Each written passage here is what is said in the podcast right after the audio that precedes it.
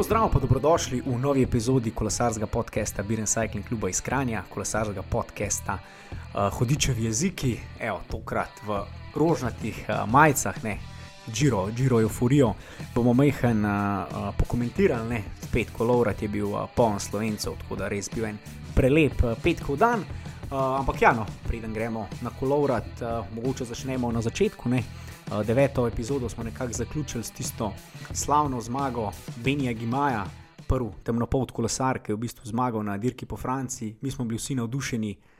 Beni pa mogoče še malce preveč, ne? nekaj je šampanc poj uh, zafrknil in je neslaven odstop. Fantje, ste kdaj videli bolj bizaren odstop z dirke po Franciji?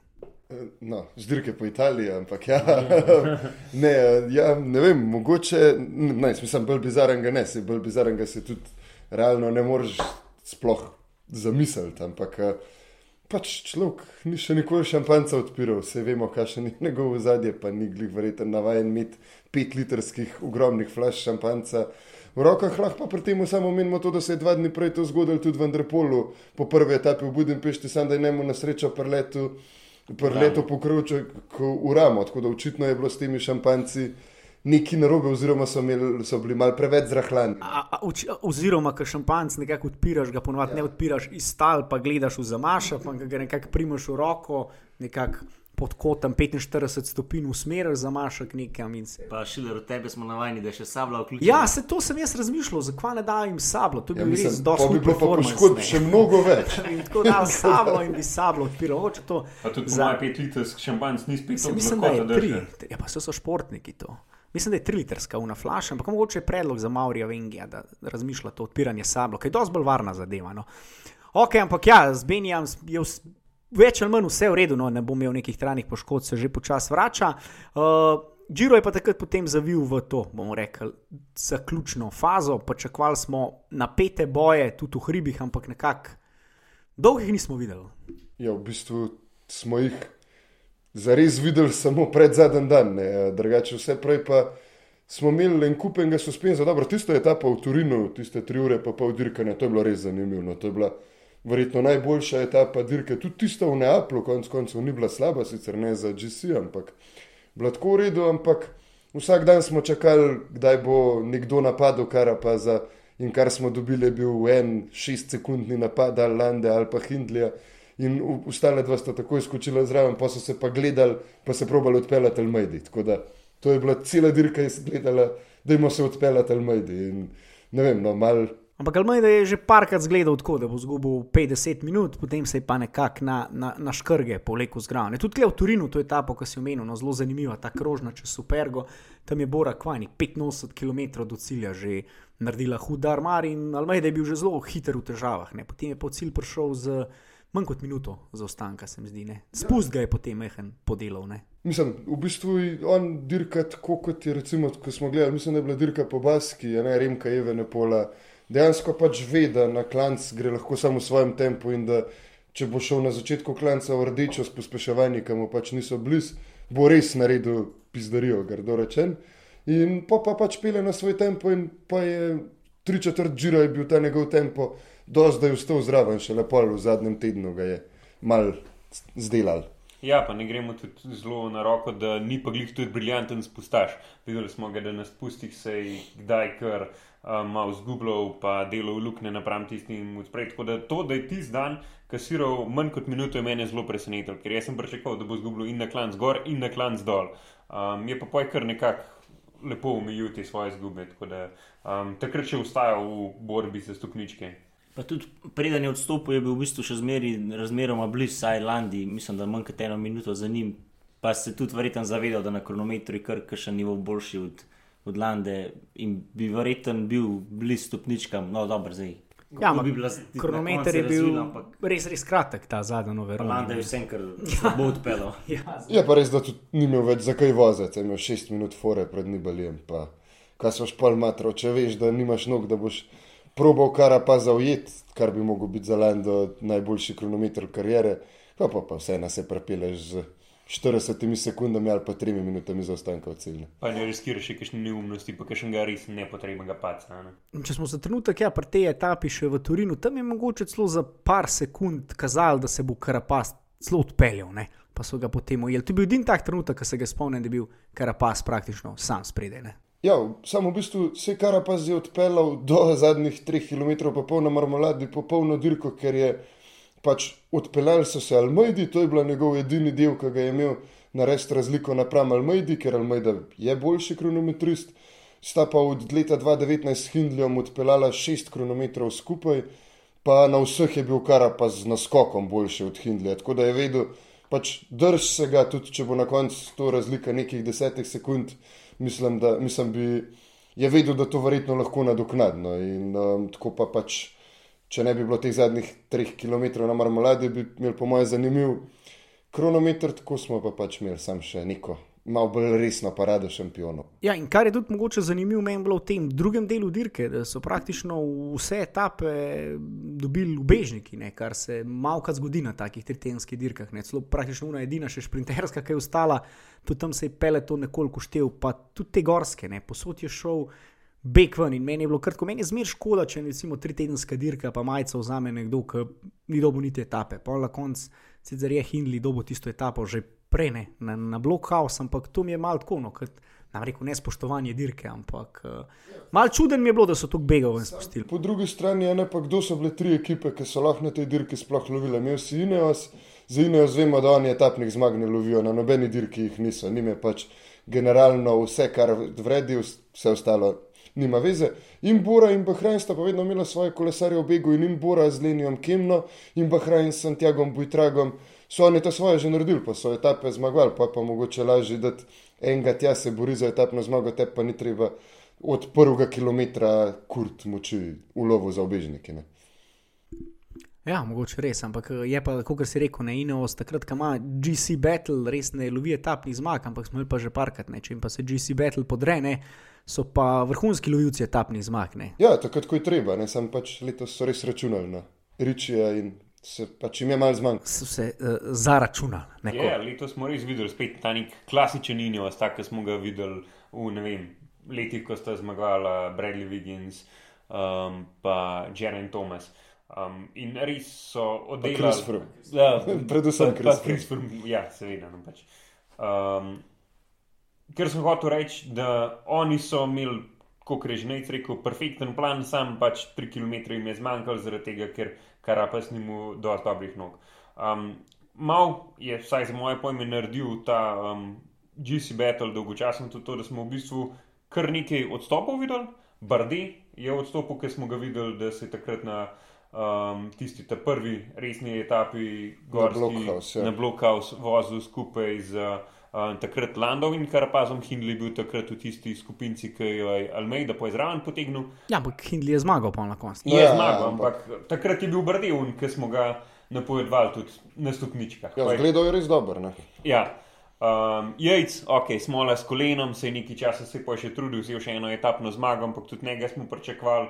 Um, in pa, kdo je bil še, a pa Almeida. Se pravi, od šestih, ki smo jih nekako pričakali- pričakovali pri vrhu, če upoštevamo tukaj še um, Hindlja. sploh Hindlija, ki smo ga, pa ga nismo upoštevali, um, so tri odstopili. To je pa vseeno relativno veliko. No ja, to je sigurno, ampak v bistvu tudi meni je bilo dosti nenavadno, da smo, mi- mislim, ne spomnim se dirke, no zdaj tako iz glave, ko bi bili prvi trije kolesari čisti zanačeni v klanc, res toliko zanačeni, da en drugmu ne more nič in da si jim je bilo jasen, vsakeč, ko je nekdo probal, da sta ostale dva lih tako močna, kot in da nima niti smisla napadati, ker pač ne boš nič dosegel, tako da take dirke pa res ne spremljaš prav velikrat. No. Ja, in res smo prišli v en tak zanimiv paradoks, ki je bil v bistvu zelo izenačena dirka, pa hkrati kar dosti dolgočasna.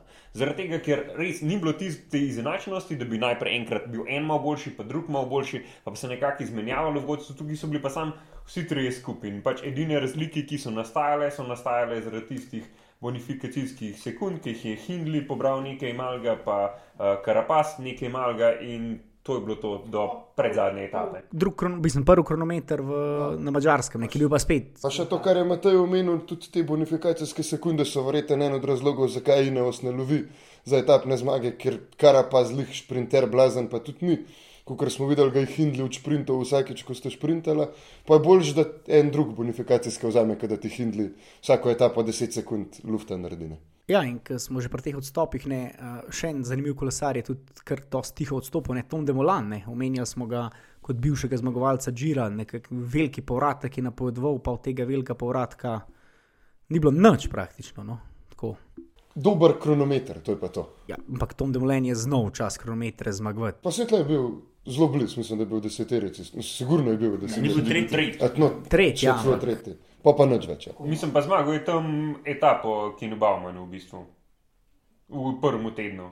Tako da za njega, ne za njegove standarde, dober žiro, ampak za nekega, ne morem reči, povprečnega ali pa nadpovprečnega kolesarja, je bil pa to tudi čist nek soliden žiro. In tudi po njegovi zaslugi so, vsaj delno, odnesel na koncu to modro majico najboljšega hribolata. Ampak jaz mislim, da je on cilil sigurno neko deseterico tule, na njim prišel etapne zmage. Osvajati za ekipne kolege. Ne? To verjetno res. Ja, tako da, ok. Sam še nekaj, mogoče malo škoda tudi, da niste, ne vem, Bora ali pa uh, Bahrajn probala spremeniti to dinamiko, recimo z Bilbao ali pa Buhmanom, ker sta bila vseeno razmeroma blizu tudi GC, ne vem, da bi probal jih dati, ker še napad, beg ali pa kakorkoli.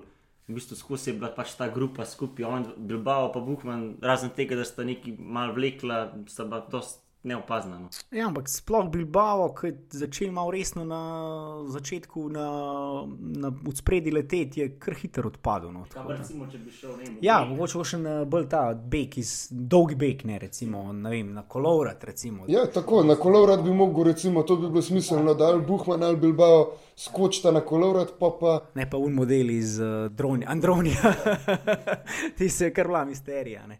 Ampak ja, ok. Eh, no, dobro, ja, nekako se približujemo že tej uh, slovenski etapi, ne, uh, v soboto, ki je bila v bistvu uh, petek, pred, pred zadnja etapa.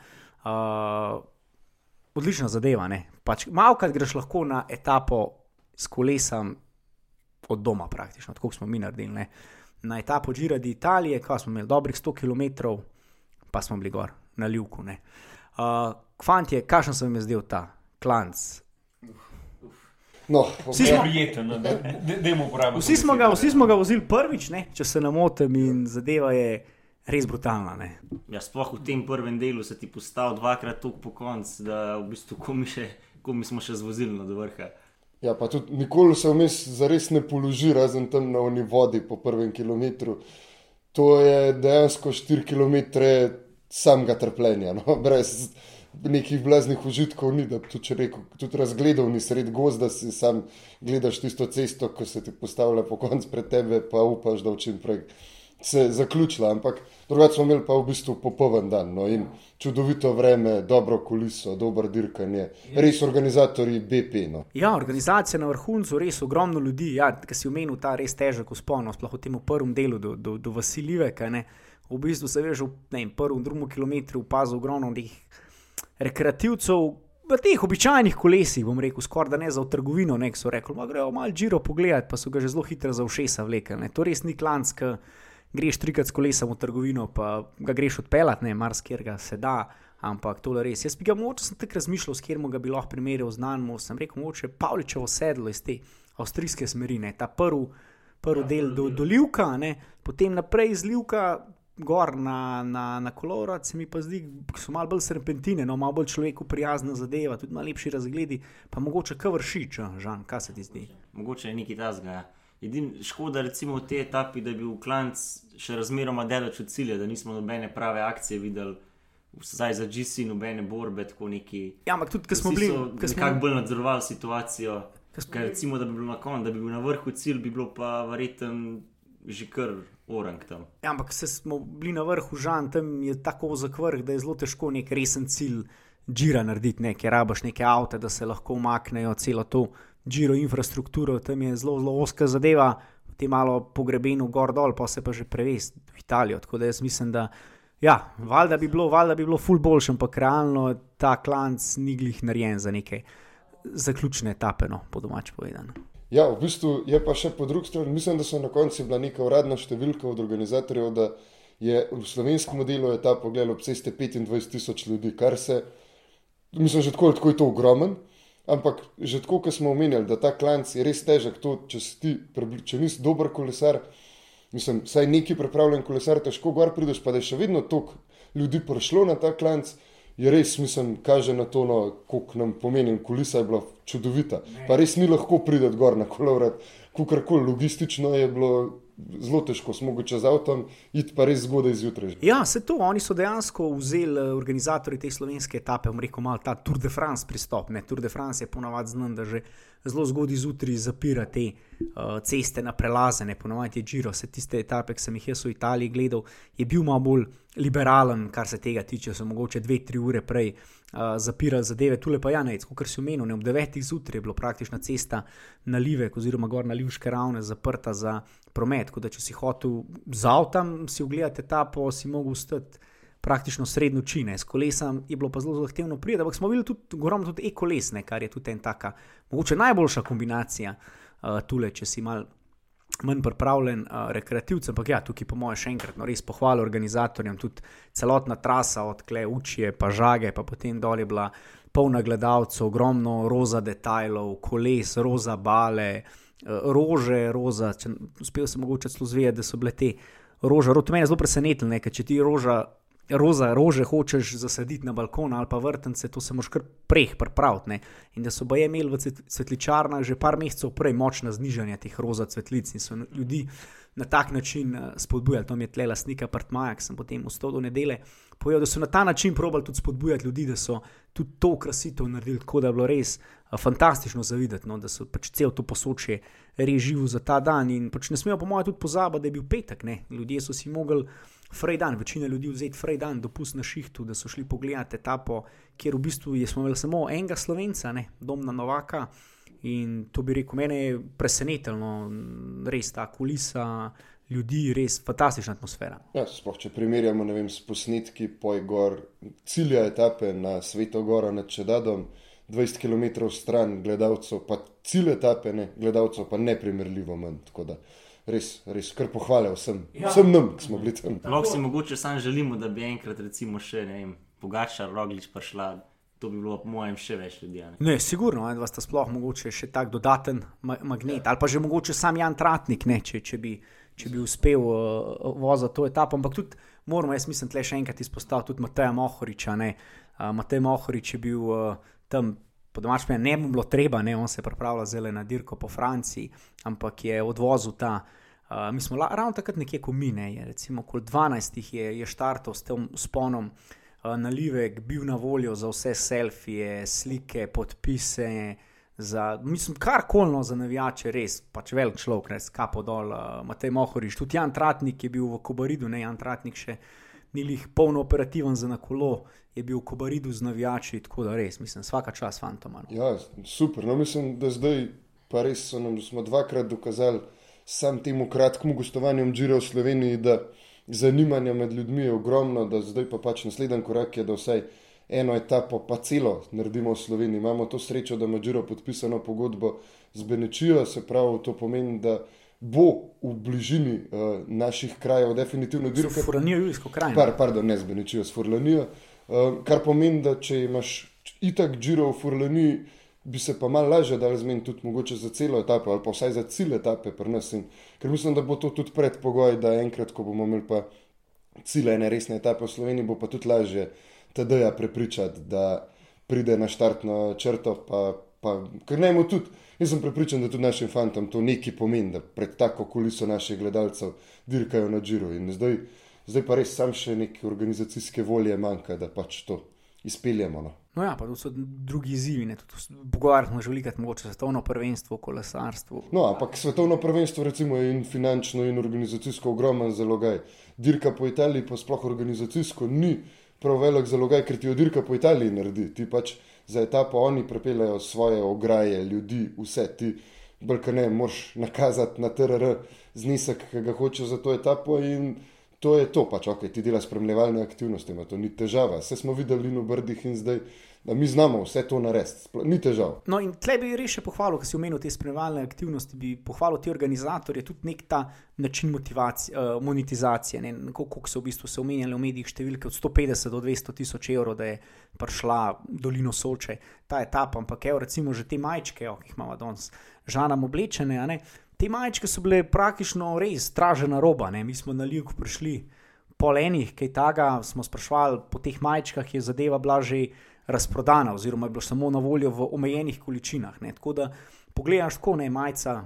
Frutov dalum, če rečemo, ne, to ne 4-5 evrov te stane, potem daš na prodajno ceno 12 evrov, ki spet ni neki Ne, zelo- preveč navita cena, dobra zelo zelo solidna, ja, dizajn, prijazna. tudi zelo simpatičen. Ne? In lahko ti že samo na majici narediš 7 evrov plusa. In če ne vem, 10 tisoč ljudi kupi to majico, si ti že pol etape, recimo, samo z majicam pokril. Ne? To Pa so pa nastanitve, pa pivo, pa Tako, pivo in tudi spet, a ne, Pa... odlična organizacija, ni bil samo en šank, ne, ti si na vzponu na kolovrat imel 3-4 šanke, kjer si lahko kupil nekaj ukrpčila, tudi na teh šankih je bila ogromna vrsta. Tako da vsa ta, bom rekel, podporna, aktivna. Ja, in še promocija dirke, no, to sploh ni toliko stvar, se tega ne delaš za direktno monetizacijo. Če je, še toliko boljše, ampak te delaš zato, da pokažeš kolovrat, pa kobarit, pa pač celo dolino soče ljudem, da bodo prišli na dopust naslednji let sem. To Tako, smisel, ampak, zakaj ampak ti če pa že usputi, recimo, narediš, pol ja, pokriješ, si pa že super, ja. Marsikaj naredil. Ne? A ne, kle lahko tudi omenimo mogoče Bahrajn, ne, ki je v bistvu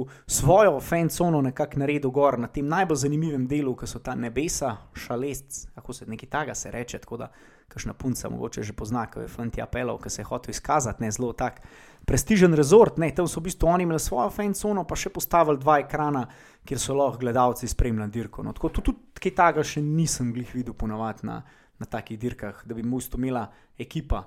To je bolj v Belgiji, ja, se dogaja. Tam, ja, oni tam v Belgiji morajo sploh ne en quick step, ki jim je dirka po Flandriji, pač vrhunc sezone za to delajo, oni naredijo na Odkvarmontu.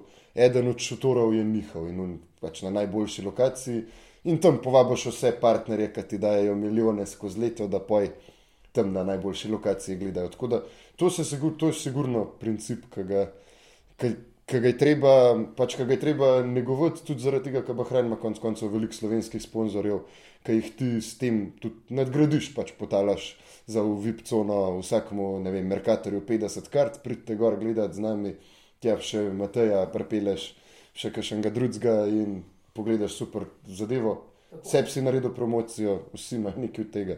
Ja, zraven pa se mi zdi to zelo pozitivno, da so postavili tudi te velike ekrane, da so lahko tudi gledali. Oni bi lahko tistih svojih vipšotorčkih si dal z televizije, mi to gledamo, pljuckamo pivo, pa nas briga. Ne? Ampak le je bilo res odličen pogled iz praktično pol kolovrata na te ekrane, tako da še ena taka dodana vrednost. Tako da, ok, ta slovenska etapa, resno, sami presežki, vsaka čas organizatorjem, vsaka čas vsem, ki so to pripeljali, tudi spoznali smo mi, hvala in no klanc. Mogoče ga bomo še kdaj vozili. Klele, fanti, odkimavajo. kao, ne, ne. Če nam res nujno, da ne bo glih na poti do nečesa drugega, mislim, da se mu bomo ognili. Mislim, No, da je kolovrat vse lahko ogneš. no se je zato, na tako da mislim, nečesa, da, ampak ja. mislim, da. Razen če želiš pogledati muzej na prostem. muzej na prostem. uh, Kar pa sem- ne vem, če te po tem, ko si 10 km gor v klanc, zdaj na prostem res še zanima. Ne? Ampak, Ja, mi smo se zelo poigravali s to idejo, ker smo bili na vrhu. ampak Ampak eh, smo jo opustili. jaz sem naslednji dan potem šel z avtom do tja, žan, hvala Bogu, da smo jo opustili, zato ker ni sama ravnina, ampak je dejansko dol, gor, dol, gor, tako da bi se še kar namatali. Pa še e-giro nas bi verjetno ujel tam nekje. Ne? Uh, tako da, ok, slovenska etapa, kot si rekel, ne, zaključila se je v Čedadu, uh, spet zmaga obežnikov, ne, mal uh, smešen zaplet v, v zadnjem bovinku. Uh, Glavni favoriti za rožnato majico so poskušali z nekimi napadi na tem klancu načedati, ne tukaj na kolovrat, brez nekih večjih razlik smo šli v zadnji dan. Ne. In že ta zadnji dan, ne, kraljevska etapa, mi smo se malo na četu zabavali, a bomo danes videli kakšno akcijo. No, pa smo jo. Ja, uh, ni uh, kazali, da jo bomo, ampak smo jo na koncu vendarle. Ne? Ja, ampak kazali v mi še v bistvu še enkrat moramo tukaj izpostaviti, preden gremo mogoče na splet, domna Novaka, jaz mislim. No, tako da res domna Novaka. Vse smo vsi vedeli, da je res vrhunski kolesar, vrhunski pomočnik, ampak to, kar je pa na letosnem džiru naredil, pa sam kapo dol. Jaz mislim, da si je zagotovil pogodbo v Vorturu še za par let, sigurno. Ja, um, ta zadnja etapa na cesti je bila res zanimiva, zaradi tega, ker tam je bila spet ena taka kombinacija, kjer smo pričakovali, da bo Bahrajn do enega tega um, satellite rider, ne vem, kako to, to sploh prevajamo. Ne prevajamo, ni važno. V glavnem, za most. Za most, evo. um, da bo pač Novak potem na zadnjem klancu počakal Lando, pa da bo sta skupaj probala narediti neko razliko. Um, zdaj, na našo srečo ali pa nesrečo um, se je pa izkazalo, da Landa vse ni tako zelo dober in Novak je dobil proste roke in bil zelo blizu tega, da vzame etapno zmago. Jaz sem vmes že mislil, da bo. Um, vsi potihem želeli, jaz iskreno priznam, da nisem realno verjel v to pred začetkom žira. Um, na tej dirki, je, na, se pravi, tej etapi je pa že zelo zares gledal. On takrat, mislim, ko se je sam podal poj ulov za Kovija, mislim, da je bilo um, skoraj dve minute. Ja, razlike. minuto 40, ja, tlej je bila težava, poj za Novaka. ta Ampak ja, ta, ta zaostanek je zelo dober topil, ne, tam nekje do 2 km. Ja, v bistvu zgleda tako, da je Novak, niso tudi oni čisto točno vedeli, kaj bi z njim naredili, ker je bil ne parkrat po avtu, pa se zgovarjal, ne vem, s Plitzotijam, kdo je bil tam. Deba- Po mojem so še premlevali, mu dajo ro proste roke, a bo vse kaj Landa rabu ali ne. In v bistvu, kaj se je on podal, lo je bila razlika že kar velika, ampak kljub temu je je zelo ustrajno zmanjšal tja do pol minute, potem se je pa nekako ustavil. In v bistvu v zadnjih par kilometrov ta razlika nehala kupniti.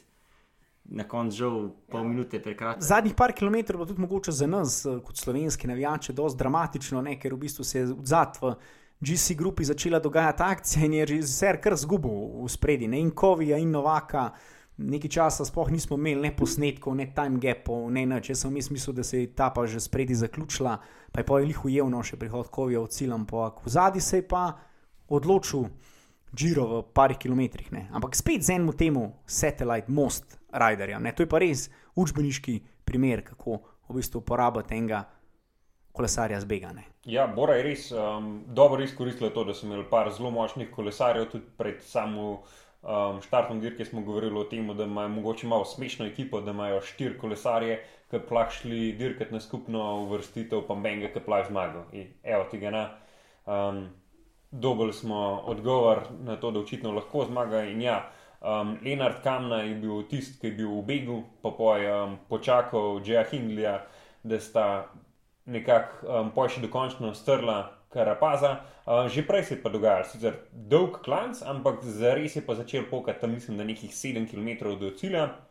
Bahrajn se je prej trudil že večino dneva, um, brez nekega blaznega uspeha, uh, poj pa tam um, Ineos, ki je bil brez Ričija Porta, um, se postavil na čelo, tam je poj um, Sivakov.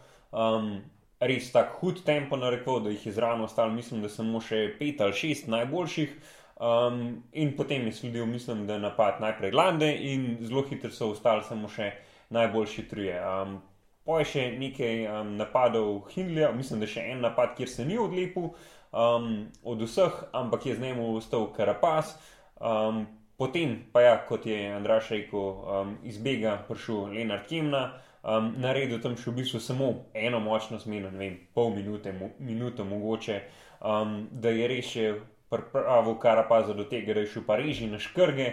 Um, Tam pa je že še zadnjič zares skočil in se odlepil. In ne, v bistvu, ne, v bistvu kamna je že uh, strgal to elastiko, to je meni zanimivo. Nekaj Leni kamna, ko je bil na smeni, je karapa že popustil. Ne? In takrat sta oba pogledala nazaj, kamna odvil, Hindli šel naprej in še to psihološko je bilo zanimivo, da je kamna ni odvil uno v filter, pa zdaj pa grem gor, pa prišel 15 minut kasneje, ampak je prklo po karapazu, pa se z njim upelo gor in to po moje kot nosilca rožnate majice, te to kar ubije, se mi zdi, no, nek taka poteza, tako tudi na psihološki ravni. Ne. Potem je v cilj na koncu še pred njim prišel celo. ne. Ja, Tam je bilo res videti, da je šel karapaz globoko v rdeče. Če te pa lahko sledi, ne vem, kaj je bil prej v begu, pa da še tako smino, pa tudi ne vem, formulo se je poj zraven, ki sta ga ujela preključila. Tudi Hukarti je potem Palanda sta ujela, ujela. ujela in Ujela in prehtela oba dva. ja. In zgleda res karapaz šel tako globoko, da preprosto ga je presekal. Ampak ja, na tej, na kamnovi smeni je spustil. Ne. Dosti zanimivo je to, da je lih tle, kar je pas popustil, ker je to na svojem domačem terenu, to je edinkrat, ki je Giro dejansko zavil na visoko nadmorsko višino, to sta bile pač paso Pordo iz 2000, mislim, da ne vem, 300, pa neki metri je bil čima kopi, ta paso Fedaja na koncu je pa lih na dobrih 2000 metrov, se pravi, je zrok že bolj redek in to je kar pa zapisan na kožo, tudi govoril je, da je končno pred etapo prehaja Giro na njegov domač teren in da bo in pa v bistvu takrat, ko se je zrak zrečil, je Karapaza odrezal. Pač sej, seveda, če nimaš nog, ti tudi sam to, da si navaden na nadmorsko višino, ne pomaga. Ne? Je, pa, je pa res, ne, da je bila etapa tako težka in konc koncev tudi žiro, kot mi pač smo zdaj govorili, da sicer ni bilo blazno veliko napadov, ampak se je pa dirkali na polno, nobeno etapo pa niso kaj hudo počivali in očitno, ja, se se tri tedni nabrali reči v, v nogah, da je po to minuto kasiral, pa je bilo to tone. Ja, in bil Džiro na vrhu marmolade, bolj kot ne odločen, ne, ker kronometer zadnjo Veroni je bil precej, precej kratek in smo potem tudi videli, da nekih resnih uh, razlik v, ni bilo, razen kart je, mislim, da prišel v. Edina Deseterico, v deset, ja, ne, bo- ni bil, sam iz desetega na deveto. Uh, mesto. tako, no, edina, spre, edina, Edina sprememba v v deseterici, deseterici, ja. tako ostalo pa je ostalo praktično tako, kot je bilo. In ja, Jay Hingley ne, z rožnato majico uh, zaključil Giro, ne, njega presenetljivo nismo veliko omenjali tudi v naših napovedih, kljub temu, da je v bistvu en Giro že končal na drugem mestu, nekako v podobni vlogi, ne, z roza majico je prišel na zadnji kronometer v Milano, pa je potem zgubil in to je bil ravno ta koronski Giro, da tako rečemo. ne. Uh, 2020, ki je potekal jeseni, ne, takrat so bili trije Grand Touri praktično v mesecu in pol, in nekako velja ta Giro za. Da ni imel ravno tok, to smo menjali, ni imel ravno tok zveneče zasedbe, pa tudi Jay Hindley je potem po tem drugem mestu lanska sezona nič posebnega. Ne? Ja, vse mu je šlo na robe, bil je bolan, imel je COVID, bil je poškodovan, pol je mogel odstopiti na Džiru zaradi tega, ker se mu je naredila neka kombinacija žuljev in tura narediti in je pač sploh ni mogel sedeti na sedežu. Skratka, cela lanska sezona je bila katastrofalna, letos spomladi je pa smo pa videli par prebliskov, da spet se lahko vozi z najboljšimi, ker je bil par etap na nekaterih dirkah blizu, ampak ne pa definitivno, da bi pred dirko rekel, da je izgleda nevaren, da bi lahko zmagal. To nismo. Vsaj jaz osebno nisem razmišljal o njem. Ne. Ja, po, po tem Džiru 2020 a ne, smo v dobeh in Gegenharta, ki je takrat zmagal in Hindlija, rekel, ok, sta neka talenta, imata neko mogoče prihodnost, ampak klan sta v bistvu oba dva potem kar nekako zamrla in težko pol brez neke osnove računaš, da bo on zdaj letos spet prikazal tiste vrhunske predstave. Se takrat je tudi ful dobro odpeljal Džiro, konc koncev, ne vem, na Stelvijo dosegel ene super rezultate, pa tako, ampak ni pa letos še pokazal res tega, da je taga predstave, kot je zdaj na koncu. Ne. Ja, ma, mislim, to zdaj lepo povedam, ampak hkrati imamo pa, ne mogoče druge oči za Hugo Kartija. Saj jaz vidim, da angliški mediji ga predvsej dajo v zvezde po tistem tretjem mestu na Vojelti, je zdaj on kar za vsako tritedensko dirko gligne ne favorit. Pa smo videli, da je tudi on um, delač od tega, če se dotaknemo res še teh kolesarjev, ki so v deseterici končali. Ja, mislim, ampak eh, če za trenutek ostanemo še pri zmagovalcu. Ne? Je pa letos, kot je Nejc rekel, ne? peto mesto na terenu Adriatiku, mogoče napovedal že nekaj takega, pa mogoče še kar. Meni najbolj zanimiva je ta sprememba, um, ko bi rekel, ekipe, ne konc koncev. On je letos prvič vozil v Dresu Bore, ne? tiste največje uspehe dosegel v, v Sunwebu oziroma v DSM-ju, potem kasneje, no DSM-ju niti ne, ker 21 sezona je bila slaba, ampak A je tudi to pač neka transformacija? Prvič smo praktično videli Boro v, v neki resni igri za visoka mesta. Prej smo si Boro predstavljali Petr Sagan, gremo po neko zeleno majico, to je to, ne. Ampak zdaj pa Bora se tukaj pokazala kot neka resna ekipa za skupni seštevek. ne. Pa moramo vedeti, da Boro v bistvu ima še nekaj drugih kolesarjev, dosti dobrih, ne vem, vlasov, katerem smo že veliko govorili, pa tudi Gita, konc koncev en super kolesar za klance. Sagana ni več, da bi ja. mogli gledati te zadeve. To nakazuje mogoče na eno ekipo. Še eno ki ekipo, bo- ki se pridružuje. Ne. Ja, mislim, meni se je na papirju Bora zdela zelo močna. Nisem imel kakšnih dvomov pred Džirom v moč Bora, bolj sem imel dvome v to, da kdorkoli od njihovih kolesarjev dejansko sposoben zmagati, ker ne v Buhmana, ne v Hindlija, realno pač nisem, to se mi zdi, tako sta se mi zdela pred dirko, kolesarja nekje med petim in desetim mestom, tam nekje bo, skršemo prebliskom, ampak to je to. Ampak očitno, očitno ne, dirkali so profesorsko, bilo je super, Hindley je odpeljal Džiro brez napake. Mislim, da ni bilo edini trenutek, kjer, bi mu, kjer je bila napaka, mislim, ni bila napaka, kjer je bilo dramatično, je bila tista počena zračnica, ki se je na koncu izkazala, da je bila v zadnjih treh kilometrih in še to ni, bilo, ni bil problem, vse ostalo je bilo pa perfektno. Ja, mogoče edina ta etapa na Blokhausa. ne. Takrat je on pa že spustil te uh, Karapaza, Lando pa Bardeja, sicer oni pol so se tudi malo ustavili, ali maj, da je privlekel skupino zraven, etapo sicer Hindli dobo, ampak bi bilo pa zanimivo, če bi recimo oni tam trije še naprej šli, pa da bi bila malo večja razlika do cilja. Ja, če bi bilo nekaj 45 sekund, ja, pa bi bilo mogoče tudi cel cela sestava, mislim, dogajanje na dirki malo drugače naprej, ker bi pač Hindley vedel, da more napadati. Tako je pač vedel, da rab ne, 20 sekund dobiti. Ja, ampak ponovno zmaga ima zaznamovana tudi Slovenijo. No, če pogledamo malo širše, ne, tudi konec koncev Borama letos sodeluje s slovenskim strokovnjakom za prehrano, ne, Timom Podlogarjem, ne, mogoče tudi to, kaj pripomogel k tej zadevi. Ne. Pa jaz mislim, da je Bora samo enostavno zdaj, oni imajo kar zajeten proračun in prej ta zajeten proračun v zajetni meri šel v Petra Sagana. Ja, in zdaj pa tistih šest milijonov, o katerih se je govorilo za njega in za njegov tim, lahko razporediš v Džaja Hindlja, Sergeja Igvita, um, pa Aleksandra Vlasova in pa predvsem Leni Kemna je eno leto starejši in precej boljši kot je bil, pa še nekaj drugih kolesarjev.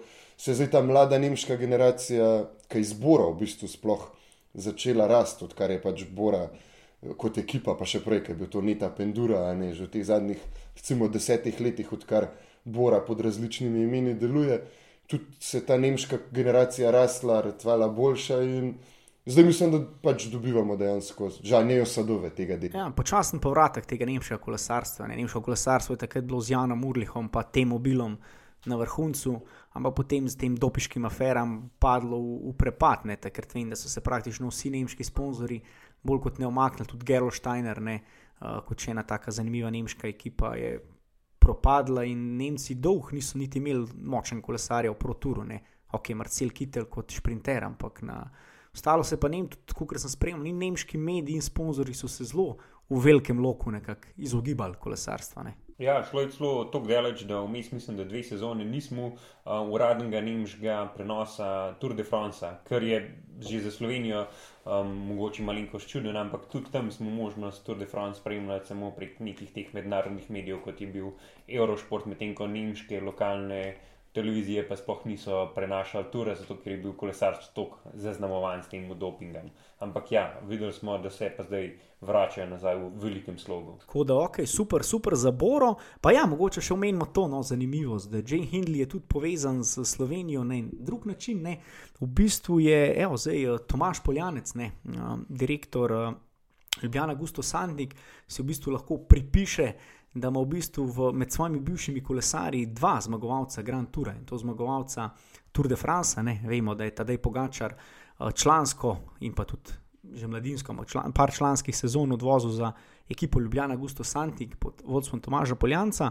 Ampak moče manj znano dejstvo, da je pa tudi Jay Hingley eno sezono in sicer leta 2016 vozil za uh, ekipo, mislim, da je bila tajvanska ekipa, če se ne motim. Ja, tajvanska ekipa Atake, Team Gusto, ne, se pravi, kot že mi pove, so vozili na teh uh, kolesih uh, tajvanskega proizvajalca Gusto, kjer je bil tudi uh, glavni menedžer Tomaš Poljanec. Tako da je Tomaš tudi na tem mestu še enkrat čestitke z naše strani. No. Jaz mislim, da je mal športnih direktorjev kontinentalnih ekip, ki se v bistvu, direktorjev kontinentalnih ekip, ki se lahko pohvalijo z dvema zmagovalcema Grand Tourane. Absolutno, pa še za zgodovinski kontekst prvi Avstralc zmagal na Džiru in šele drugi Avstralc zmagal na tretjedenski dirki. Samo Kadej Levans leta 2011 je na dirki po Franciji. Je pred njim iz celine tam spodaj usvojil. Pa vsi vemo, kako velika je Avstralija, pa zdaj to primerjate s Slovenijo, pa kako bomo mi zmag na Grand Tourih. Da se malo zavedamo no, v kakšnih res zlatih, zlatih časih. Je pa po eni strani tudi, če tako nek udariti za recimo Bike Exchange, ki se toliko časa trudi, avstralska ekipa, pa v bistvu so nekako spustili kakorkoli tega talenta. Uh, Bi bilo verjetno tudi za njih, da bi imeli oni avstralca, ki bi zmagal, pa še nekaj. Čeprav Hindley je vodil za njih eno sezono ne, in mi je zanimivo, ne, da, da so ga spustili potem po domač povedan. 2017, potem iz Atake Team Gusta je odšel takrat v Michelton Scott, ne, potem pa v, v Sunweb. Ja, ampak se je v bistvu prvič, ko smo mi Mislim, da je bilo na dirki po Sloveniji leta 2018, ko sta bila Michael Storer in Jay Hindley, ko sta prišla že s Sunwebom na dirko in sta oni dva tam v boju za belo majico se borila s Tadejem Pogačarjem. Mislim, da je Tadej Pogačar na koncu Michaela Storerja lik za ne 4 sekunde, a nekaj tacga prehitu v boju za belo majico. Ampak to je bilo prvič, da smo dejansko videli Jaya Hindleya kjerkoli, mislim pa, pa se mi pregledamo res ogromno enih dirk predtem nismo zasledili. Tako da pač lahko da je tudi Sejaj zdaj star, če se ne motim, 24 ali 25 let. 26. No, tako in je v bistvu, pa ne pa, iz, pa je konc leta 2020 prvič resno upozoril nas. No, tako da pač mogoče je pa samo late bloomer, pa zato Mitchelton ni prepoznal talenta, ker ga niti kazal ni. Ne. Ja, ampak eh, kot si omenil, ne, na tisti dirki po Sloveniji, J. Hindley za belo majico končal na tretje mesto, ja, za Pogačarjem in Storarjem, ampak tudi konec koncev. Po 26, moče smo se mi tega malo razvadili, da je Pogačarja, ki zmaguje vse dirke ali pa Renka, pa ne vem, 21, 22. Se tudi, če pogledamo, ne vem, Bradleya Wigginsa, Geranta Thomasa, tudi Krisa Fruma, konc koncev, oni so v teh letih ali pa še kasneje začeli dosegati te top rezultate. Ne. Tako da. Pri 26 je na turu še bela majica. Ja, ja pri 25. Ne, ja. Ampak ja, skoraj, ne, ravno, ravno greš iz teh mladih kolesarjev. Mislim, da prva zmaga Krisa Fruma na Tour de France je ravno tam nekje. Ne. Pa še kasneje, kot pri 26 njegova. Mislim, da bi mogel, on je mogel tam nekje okolo 28 zmagati. Ja, Prvo, je glede na tudi to, da je on štiri zmage na nizu v petih letih, se samo enega vmes ni bilo. No, kdo to zdaj na hitro preveril? ampak- Evo, gledamo, oni se pravi letnik 85 in se pravi Tour de France je pa prvi zmagal 2013, torej 28. Ja, ne, se pravi, je, če pogledamo, okay, če, če izuzamemo te čudežne dečke, Tadeja Pogačarja, pa Renka, Evene Pola, je že Hindley čisto v tem, Ja, na normalnem. V proporcijah. na normalnih obratih. Da temu Tako je, rečemo, tako, ja. tako. Ja, Tako malo je še veliko pred ne. malo smo se, pa pač.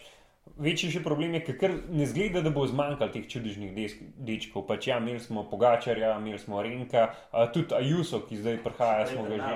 Pa Bernal, konc koncev, tudi, um, ki je bil takrat najmlajši zmagovalec um, Tura. Ja, veliko je tega in res smo se razvadili, imamo pa na drugi strani pač kolesarje, kot je naprimer Matej Mohorič, ki pa lepo nekako um, postopoma raste skozi svojo kariero in tudi zdaj pač dosega um, svoje lepe rezultate pri teh res zrelih kolesarskih letih. In tudi pred Matejem je še kar nekaj uh, let kolesarstva. Če pogledamo, mogoče evo, deseterico, mogoče na hitro še pokomentiramo. uh, Deseterico, tudi mi smo nekaj napovedi predirko, predirko dal, pa smo še pri teh, bomo rekli, starejših kolesarjih, omenili smo prve tri, ampak Vičenco ni bili na četrtem mestu. Ja, jaz sem ga omenil, da zna biti zanimiv, takrat ste se mi malo smejali, ne, tako da moram zdaj to tudi javno omeniti. ne.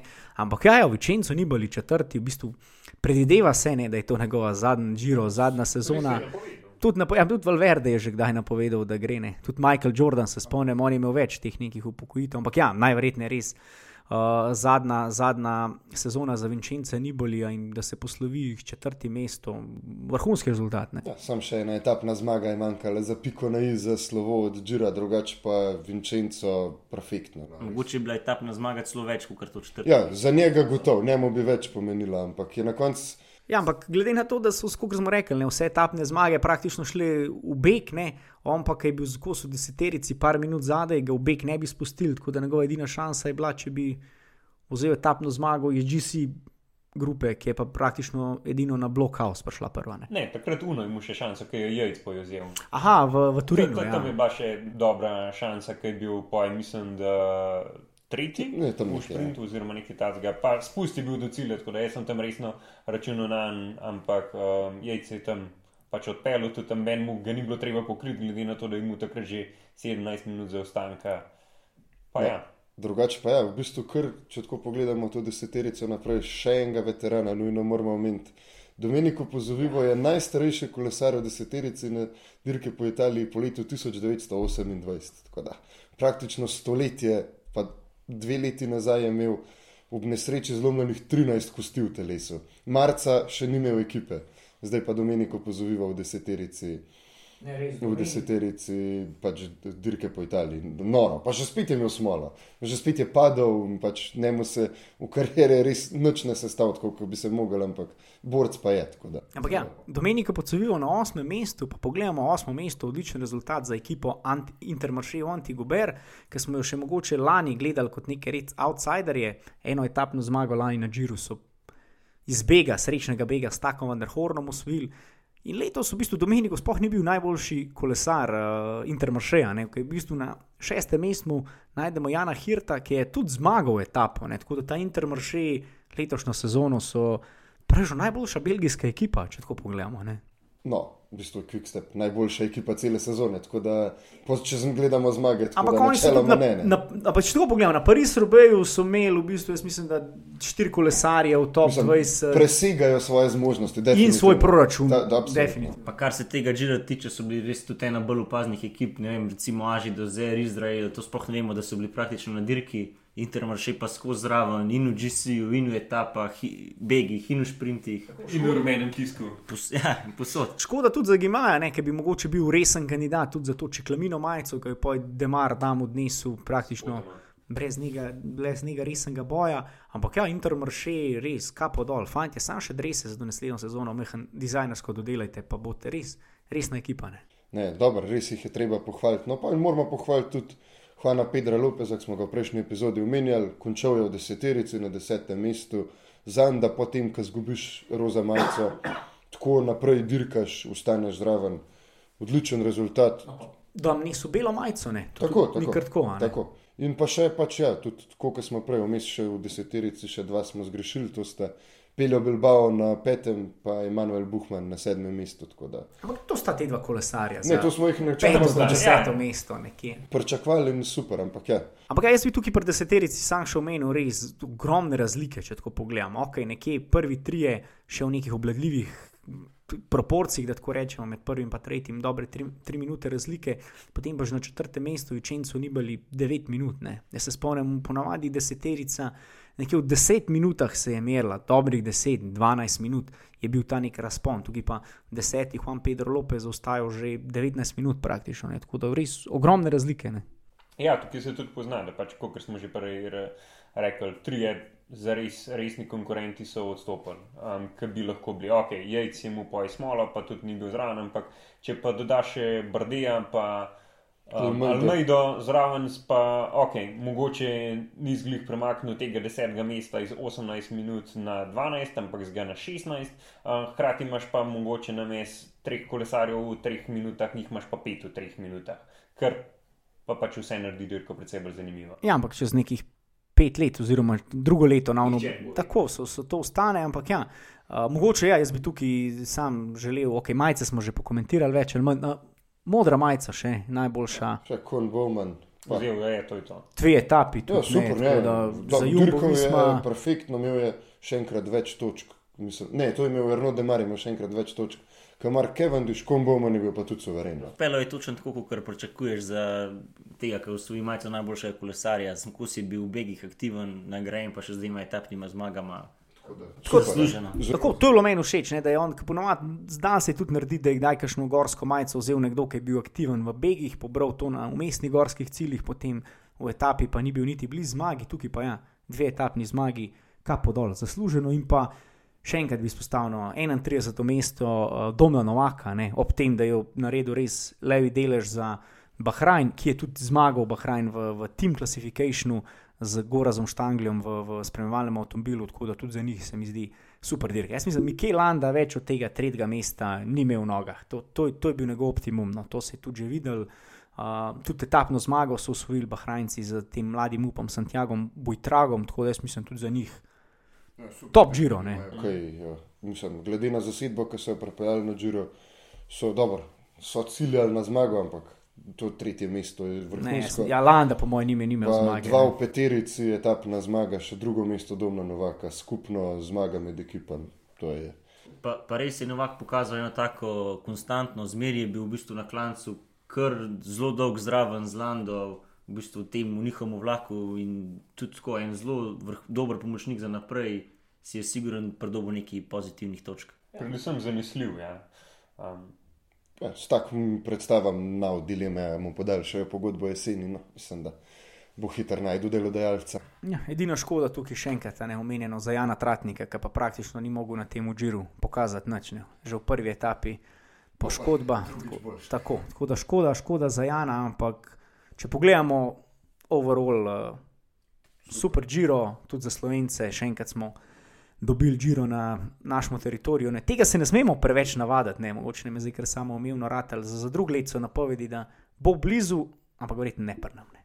ja, um, še preden se oddaljimo od Džira, jaz bi vsem še vsaj eno zgodbo, ki je bila zares zanimiva z njega medijske vidike in to je Matthew Van der Pol. Uja, to smo pozabili. On je res naredil iz tega žira en hud šov. On od tega, da je pač um, vzel tiste etape, ki jih je se z Girmajem um, borbov, um, vozil roza majci. Vozil roza majci. Um, nekaj časa celo smo študirali, bo šlo na uh, čiklomino majico. Um, tista lepa poteza, ko je Girmaj zmagal, ko mu je zaploskal, je odmevala po Twitterju in mrski je druge. Um, pa pa je na Twitterju naredil tisto svojo, da jim rečem, mini afero z ananasom, oziroma ananasom na pici, da so ga poj navijači lovili z ananasom.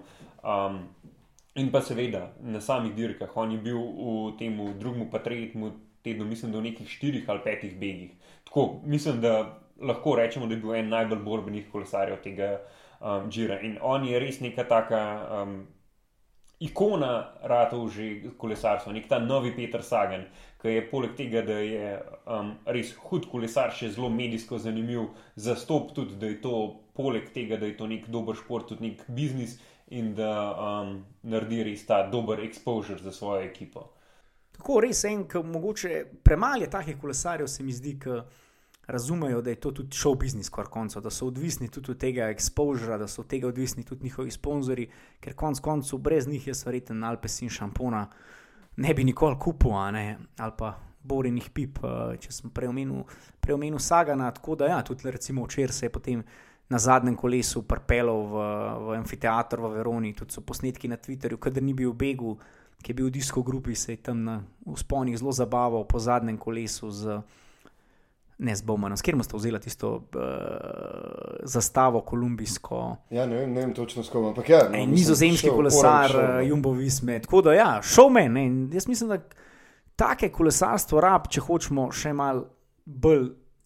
Razširiti to celo. Ja, sigurno, ne, ne moreš imeti to kombinacijo šovmena, ki je hkrati še vrhunski. Ne, da, tako, ki ni samo en kloven, ki da zmaguje in se hkrati še zabava. In to, je, to smo imeli pred Matijem, samo Petra Sagana, tega zdaj imamo na srečo še enega vemo, da jih bomo imeli še več, ker je. To so karakteri, ki jih lahko prodajaš in s katerimi rataš pač šport.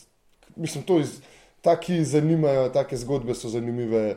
Tudi ljudem, ki ne spremljajo. Tako, to to odmeva tudi širše. Spomnite se poteze Petra Sagana, ko je na eni gorski etapi na Tour de France vmes podpisoval svojo biografijo. To, ta posnetek še danes skrošne, to poznajo tudi oni, ki ne spremljajo to kolesarstvo. Ne? In resno, Matijo Vendrpol je res blagoslov za ta šport. Hvala Bogu, da se je odločil, da prije tudi na cesto. Ne? Ker mogoče, ce če bi samo stal v ciklokrosu ali pa na gorskem kolesu, ne bi mogel čisto izkoristiti tega potenciala. Tako da upajmo. Alpec in Feniks pride tudi na dirko po Sloveniji, sicer najverjetneje. Z Matijem ne. Brez Matijem, vendar pol, ampak. Uh, Uh, res en uh, top kolesar, pa tudi lej, top ekipa. Če tako pogledamo, mi ne smemo pozabiti, Alpes in Phoenix je še vedno pro-kontinentalna ekipa, oziroma uh, pro-tur. Pro-tur, ne pro-tur. Pro, pro, ja. Druga liga. Ne. Druga liga, ampak so tukaj odnesli, ne, niso se prišli samo zabavati, ne, odnesli tudi uh, roza majico v prvih etapah. Etapno zmago. Dve etapni zmagi. Tri, tri, tri ja. zdaj bond, uh, Oldani. Oldani pa Matijo. Tako. tako da res, če ko pogledaš, spet ratujejo iz druge lige ena boljših uh, ekip. So pa še ne povedali, naslednjo leto bojo povzeli World Tour licenco, tako da um, s tistim borbam za točke so zdaj saj eno spremenljivko razjasnili, tako da bomo to kdaj drugič pokomentirali. Bomo tako kdaj drugič, pa da pripeljemo to počasi do konca. Kva smo še rekli? Okay, dirka, uh, Slovenska scena. Slovenska scena, bah, ok, uh, Bahrajn se krepi, ne? en nov slovenc uh, prihaja v World Tour, Pro Tour, tega smo pač uh, izredno veseli. Ne? Kjer ga bomo lahko, ne drugo leto, ampak že zdaj. S 1. junijem. Ja, Mislim, da že dirk, na dirki po Sloveniji, načeloma. Ne? Uh, to ne vem. S 1. junijem je podpisal Mateoš Govekar, uh, uradno še ne vemo nič, ampak jaz sklepam, da glede na to, da so um, to objavili nekaj dni nazaj in da so pogodbo. Uh, začel s 1. junijem, je to verjetno z razlogom, in da bo tudi on že. Ta mid-season transfer, ki ni tako pogosta zadeva v kolesarstvu, ampak vse dogaja. Ne?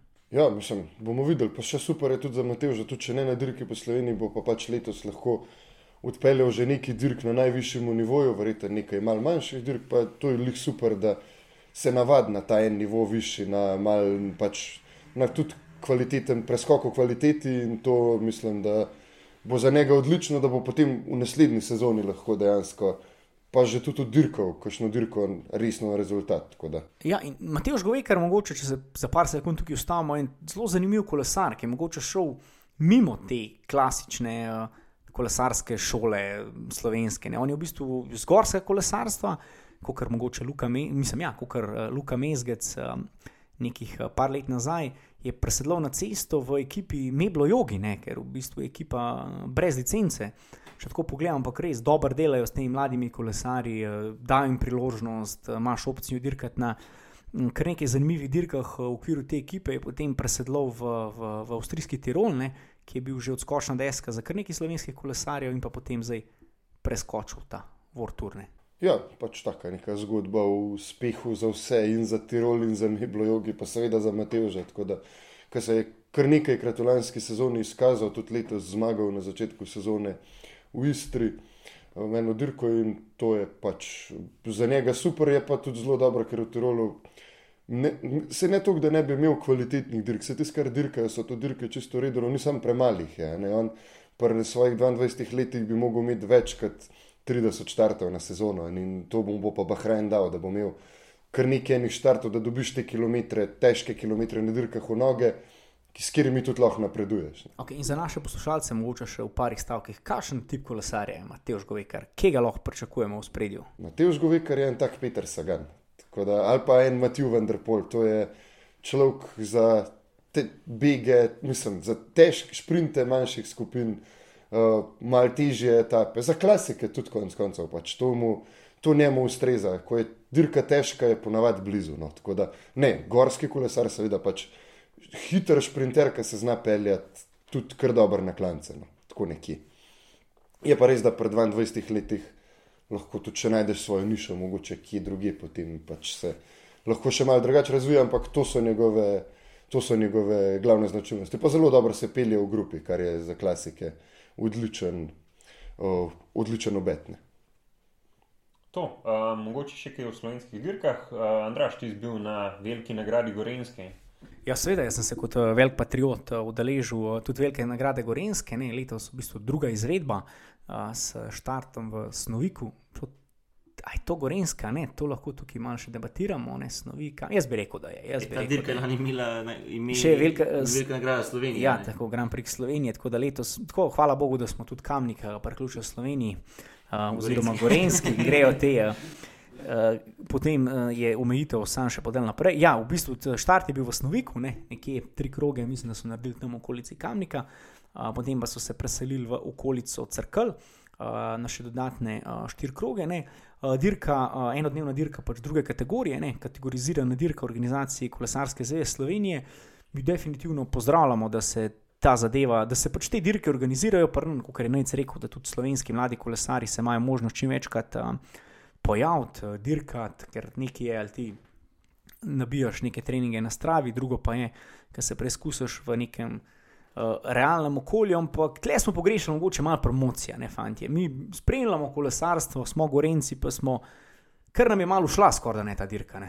Ja, Uran smo se mogli potruditi, da smo jo sploh najdel, pa najdel traso, pa časovnice, tako da ja, z malo promocije, pa da jo malo prej objaviš, pa resno objaviš trase, pa tudi mogoče pač ja, malo bolj poskrbiš za to. Tudi da se še kaj drugega dogaja, da kdo z družino lahko pride še pogledat dirko, pa ima še otroke za delati, bi se dal še kaj več ob cesto prepeljati, zagotovo.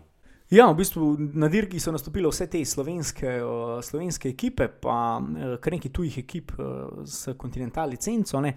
In zmaga je odšla na Polsko, sprint e, manjše skupine uh, kolesarjev. Ne, v bistvu, skupina je bila, bil je beg, potem je bila skupina kar velika in potem je ta skupina se vsak rok malenko zmanjšala. Ne. Nekako predvsem ta češka ekipa Elko Kasper je bila zelo aktivna v, v spredju, ampak ja, na koncu pa tudi, tudi Voster ATS Team, kjer je na koncu prišel zmagovalec Patrik Štos, je bila kar aktivna na. V spredju je pa Patrik Štos v bistvu kolesar, ki je bil najviše rangiran na UCI lestvici na tej dirki, tako da lahko rečemo, da je zmagal favoritno, da se, da se tukaj malo mal, mal pošalimo. Uh, je pa res, da v bistvu, kaj bi lahko tukaj še izpostavili, pa predvsem to, da smo dosegli v bistvu najboljšo slovensko vrstitev na slovenskih dirkah. Ne? Koliko smo v bistvu pet, štiri ali pet dirk slovenskih smo že videli uh, to sezono, in pa prve stopničke, ne Tilem Finkšt iz Adrije Mobil je končal na drugem mestu. Ne. Ja, no, super, končno je, ja, da smo še naše ekipe v spredju, da tudi osvajajo resne uci točke, pa da upozorijo nas. No. Meni je fino je videti, no, da smo konkurenčni, saj na naših dirkah. No. Ja, je pa mogoče, čist, še da pokomentiramo tega zmagovalca. Je, ni to nek mlad kolesar, ne, je uh, že star 27 let, ne, njegov največji uspeh bi mogoče lahko rekel. Le, vzel je majico z gorskimi cilji na dirki po Polski leta 2020. To je pa skoraj da ne tone. Ne moremo se raje osredotočiti na te slovenske ekipe. Ja, že vse, ko so bile v prvi slovenski trojček, um, ko so bile takrat Izola Nova Gorica in Adrian Mobil, uh, smo rekli, da dve ekipe dirkata približno tako, se zagreje Adrijo. Um, je malo smola doletela, pa so takrat zunmu peram mehani izveseli, čeprav so imeli zelo lepe šanse tudi za stopničke. Um, zdaj so jih končno ujeli in nekako se vidi, da sta te dve ekipe, ki sta saj zaenkrat um, na malo višjem nivoju kot ostali. Čeprav um, po drugi strani so po zmeh blogi vzeli um, majico za leteče cilje, oziroma vzeli tisti leteč cilj na dirki. Tako da um, dirkajo aktivno, um, ker je tudi super za videti, nabirajo izkušnje in ni hudič, da bomo še v prihodnosti videli kakšnega kolesarja, kot je Matej Govekar. Treba je povedati, da so te dirke res velika odskočna deska, se je konec koncev tudi Govekar je nekako recimo, na teh dirkah začel svojo kariero in če tukaj prideš zraven, se ti nekako že odprejo neke možnosti za naprej in če si ta prav, boš prišel tudi tako naprej. In, Dokler tukaj nimamo res kakšnih malo lepših rezultatov, kot je recimo to drugo mesto, Finkšta, spodbudno. Um, ja, tle je treba biti na stopničkah, da sploh lahko razmišljaš, da boš enkrat šel kam del. No. Tle to je prva osnova, je, ja, da si tukaj na stopničkah, pol pa lahko razmišljamo o. No. Ja, ker v bistvu od slovenskih kolesarjev potem v deseterici na sedmem mestu še Jaka Primožič, ki letos vozi za avstrijsko ekipo Hrinkov. To je pa bolj kot ne to, ne. tako da tukaj bo treba še kaj narediti, ne. da tudi tukaj se naberejo kakšne uci točke, pridemo tudi v na radar tujih ekip in pa da vidimo še kakšen vrtur prestop. No, sej, mogoče bomo pa kakšno točko več zbrali že na dirki po Sloveniji. Kaj bo pa fokus naše naslednje epizode? Tako, tako evo, slovenske ceste smo že do dobro ogreli, no, kot smo rekli, za tole etapo na kolovrat. Ne. Euforija, mislim, da je na vrhuncu. Ja, prihaja pa dirka po Sloveniji od 15. do 19. junija, se pravi še ene 14 dni. In ja, kot je napovedano, najverjetneje bomo videli tudi uh, Tadeja Pogačarja, ne, uh, tudi Matej Mohorič uh, ima v planu to dirko, uh, verjetno tudi uh, Doma Novak. Uh, Jan Polanc, najverjetneje tudi Jan Tratnik je še vprašljiv zaradi te njegove poškodbe, ampak tudi ja, Luka Mezgac prihaja z ekipo Bike Exchange, tako da v bistvu praktično vse najboljše kolesarje z izjemo. Primoža Rogliča, ki je enkrat že to dirko, dvakrat to dirko dobil, ampak eh, Jumbo Visma to nekako nima v programu. Uh, Prihaja na slovenske ceste, tako da, kot smo rekli, no, bo tudi znana, trase so zaenkrat že znane, spet se dirka kar v, v velikem loku izogne Gorenske, ampak kaj, da pride saj v Kamnik, ne Kamnik smo že priključili za Gorenski, tako da, ajde, saj mal tista kraljevska etapa na veliko planino bo tudi mal naša, ampak ja, bomo pokomentirali in traso in uh, nekaj, mislim, favorita, zdaj glavnega nekako vemo, ne, če si dvakratni zmagovalec dirke po Franciji, kamorkoli prideš, eh, si favorit. Ampak eh, tudi mislim, da kar nekaj ostalih zanimivih kolesarjev bo tukaj, kot smo omenili, ne Alpec in Phoenix, nekako eh, prvič prihaja na to dirko. Uh, Astana, tudi če ena Fortur ekipa, bomo videli, kakšno zasedbo bojo poslali. In ja, ta dirka po Sloveniji je nek način kot neka zgošna deska za mlade, ne tako veljavne kolesarje. Ne. Omenil si, da je J. Hingley tukaj bil recimo tretji v konkurenci za belo majico, par let nazaj je vozil to dirko Egan Bernal, takrat če odresu Andronija, tedaj Pogačar, vemo, da je kar uh, parkrat vozil uh, dirko po Sloveniji. Vlasev. Aleksandr Vlasov je tukaj v odresu Gazproma nekako prvič opozoril na sebe, premagal, konec koncev tudi Pogačar je v tisti etapi uh, napred mejo, tudi zmagovalec uh, zadnje etape uh, Tura. Mateo Sobrero, ne, ki je zmagal to kronometer v Veroni, je lani uh, praktično bil edini kolesar, ki je na predmejo, takrat še v Dresu, lani v Dresu Astane, ne, se pripeljal z Diego Ulisijem in Tadejem Pogačarjem. Ne. Tako da definitivno tudi Fausto Masnada in Andreja Vendrame sta se uh, v takrat resu še Andronija tukaj pokazala. Ne. Tako da definitivno. Jako Fugu, to je uh, Jako Fuglzang, jaz se spomnim, Jako Fuglzang, pa Vičenco Nibali je Ja, takrat ja. zmagal. In mislim, da Vičenco Nibali, zdaj ne vem, če ga nista podarila tedaj Pogačar ali pa Primož Roglič, ampak Vičenco Nibali je dolgo držal rekord spona na krvavec, ne takrat, če je odresel Likvigasa. Tako da res, mogoče, ko prijete na to dirko, pa rečete, da tle so kareni kolesari, je tedaj Pogačar, so vsi najboljši, pa tudi Marskiri, Marsdo, ki je v karavani zna v prihodnih parih letih zmagati kakšno res res veliko dirko. Tako da se definitivno splača prijeti ob cesto, pa navijati za naše ase. To je to. Več bomo pol podrobno, pa ja, v naslednji epizodi, kakšen dan pred dirko po Sloveniji. Tako ne, bomo z zdaj smo vami. iz roza se počasi selimo na zeleno. a ne. Tako, tako. Na zdravje. Na zdravje. Čim.